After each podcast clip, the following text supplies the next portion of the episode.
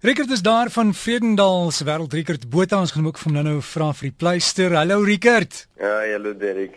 Jy's by 'n skoolsportbyeenkoms, né? Nee? Ja, ja, groot groot ding. My my ehm uh, my jongste seun neem vandag deel en hy gaan waarskynlik terwyl ek en jy nou hier praat die 100 meter hardloop. So dit dis groot, hoor. Ja, ons sal as jy as jy, as jy niks van my hoor nie, ek raak net weg, dan ja. moet jy net weet. Ja, want jy kan sien deur die venster wat gebeur, né?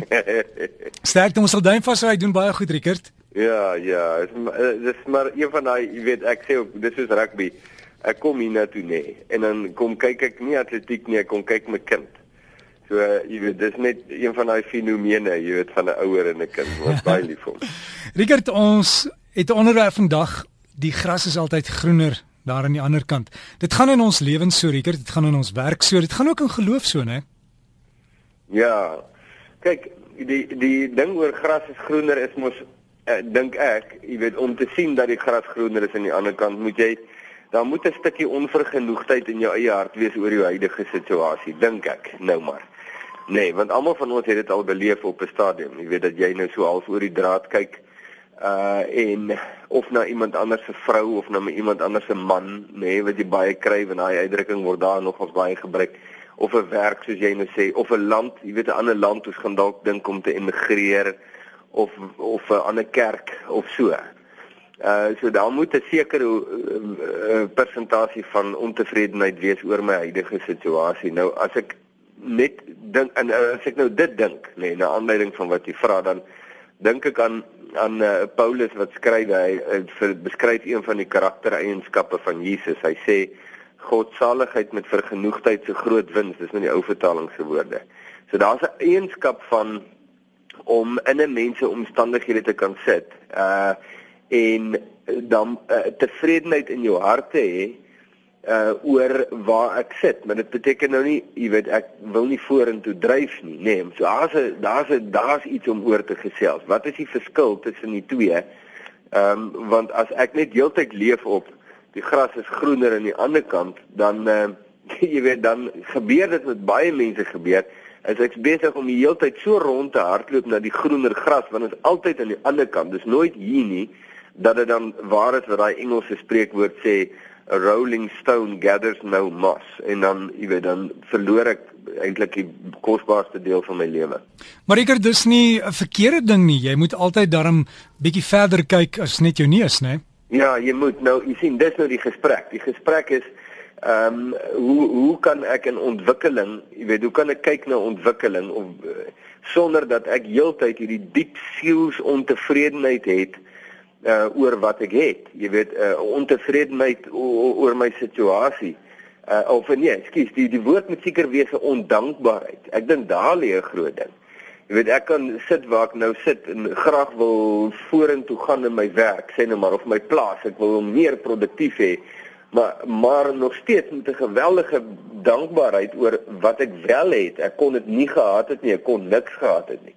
Ek dink dis miskien die faktor wat ons uh, inboet verskriklik. Jy weet ons um, ons is so gestel op waar ons wil wees dat ons het net nie enige waardering vir waar ons is nie en waar ons dalk vandaan kom nie. En en ons verloor daai ding. Jy weet en ek dink dis 'n onsaglike verlies want dan op 'n stadium dan kom ons agter maar ons het ernstig Jy weet, feitelik hard gedryf in 'n rigting, maar ons het die tits kwyt geraak tussen in die twee punte.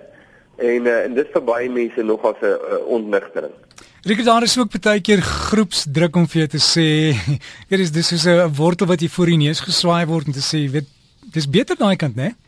Ja, ja, kyk maar, jy sien dit is dis die ding, is ook 'n baie belangrike deel van bemarking.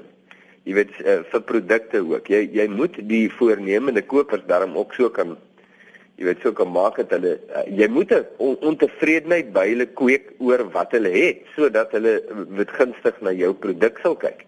Ehm um, as 'n mens nou wonder, jy weet hoe sal dit nou op geestelike dinge van toepassing wees of of in 'n in 'n gemeente? Ek dink ehm um, daar's hierdie dingetjie wat ek nou al in my eie hart ontdek het, nê, nee, wat nogals baie negatief is en dit is waar mense 'n ding begin kweek ehm um, by mense dat daar waar hulle is Jy weet daar waar hulle die Here dien en hulle gemeentes of daar maak nie saak waar nie, maar daar waar hulle is, dis nie goed genoeg nie.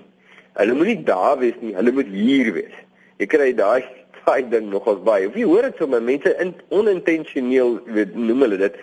Ehm um, as jy regtig die Here wil beleef, dan moet jy hom hier by ons, jong hier by ons in in en dit skep by mense al dieselfde ding. Jy skep by hulle ontevredenheid later oor oor uh, dis in hulle eie gemeente of in hulle eie situasies het hier te kort en daar te lank en dan begin hulle druk sit op die uh, sê nou maar die leierskap of die predikant en uh, uh jy weet hy's nie geestelik genoeg nie en hy beweeg nie genoeg in die gawes nie en hy het nie dit genoeg nie en dit weet so aan. En later sit jy met 'n hele klomp um, ontevrede mense en ontevrede mense is ongeskikte mense hulle is aklige onvolwasse mense en uh, en hulle dryf dan nou na die Ethiopië jy weet hier by ons hierdie gemeente jong hier sit fantasties en uh, daai ding daai ding is nie God se hart nie hoor dis ook nie Jesus se karakter nie Richard, uh, jy het nou nog gepraat van dis goeie bemarking. Is die duiwel 'n goeie bemarker? Ja, hy's briljante bemarker. Kan jy dink nie? Ek bedoel, ek weet ken jy daai liedjie wat sê everything that kills me makes me feel alive.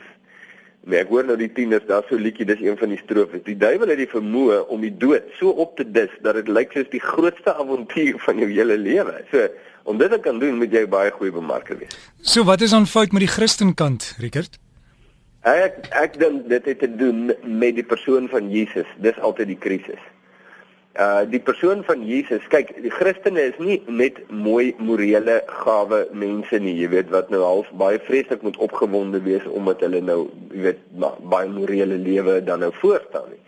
Die Christ, Christene is mense wat uh, staan om die persoon van Christus. En Christus is 'n verskriklike krisis en 'n verleentheid in hierdie wêreld en dis die groot ding. Jy sien want jy kan nie net op loop gaan met mooi gedagtes oor hoe om mooi te lewe nie. Jy moet bly by wie Jesus gesê het hy is en daarmee saamstem. En die wêreld ehm um, in Hebreë stem nie daarmee saam nie. Hulle sê Jesus is nie wie hy gesê het hy is nie en hy kan nie doen wat hy gesê het hy kan doen nie. En dis 'n geweldige krisis.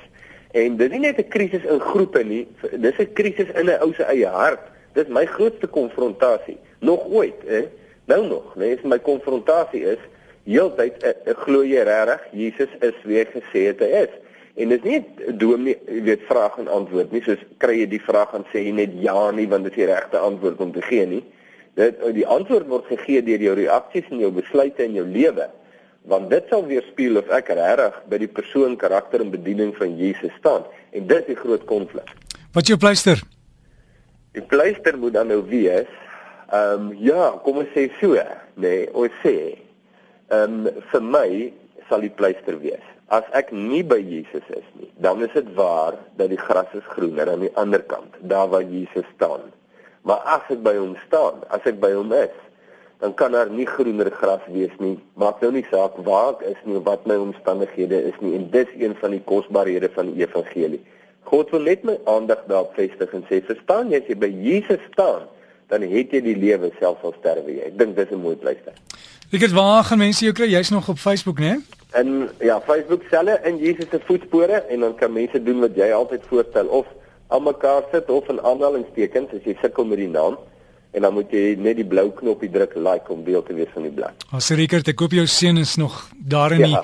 in die wegspringblokke dan kan jy gou die 100 meter gaan kyk as hy hardloop. Ja, jy gaan my nou sien hardloop sien toe hoor. ja. So op 'n kort pad oor die veld vat nie. dankie Derek. Lekker naweek hoor. Selfde dankie. Totsiens.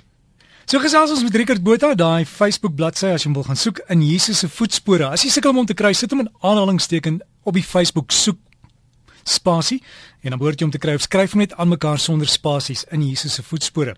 En Rickert volgende week weer op sy pos.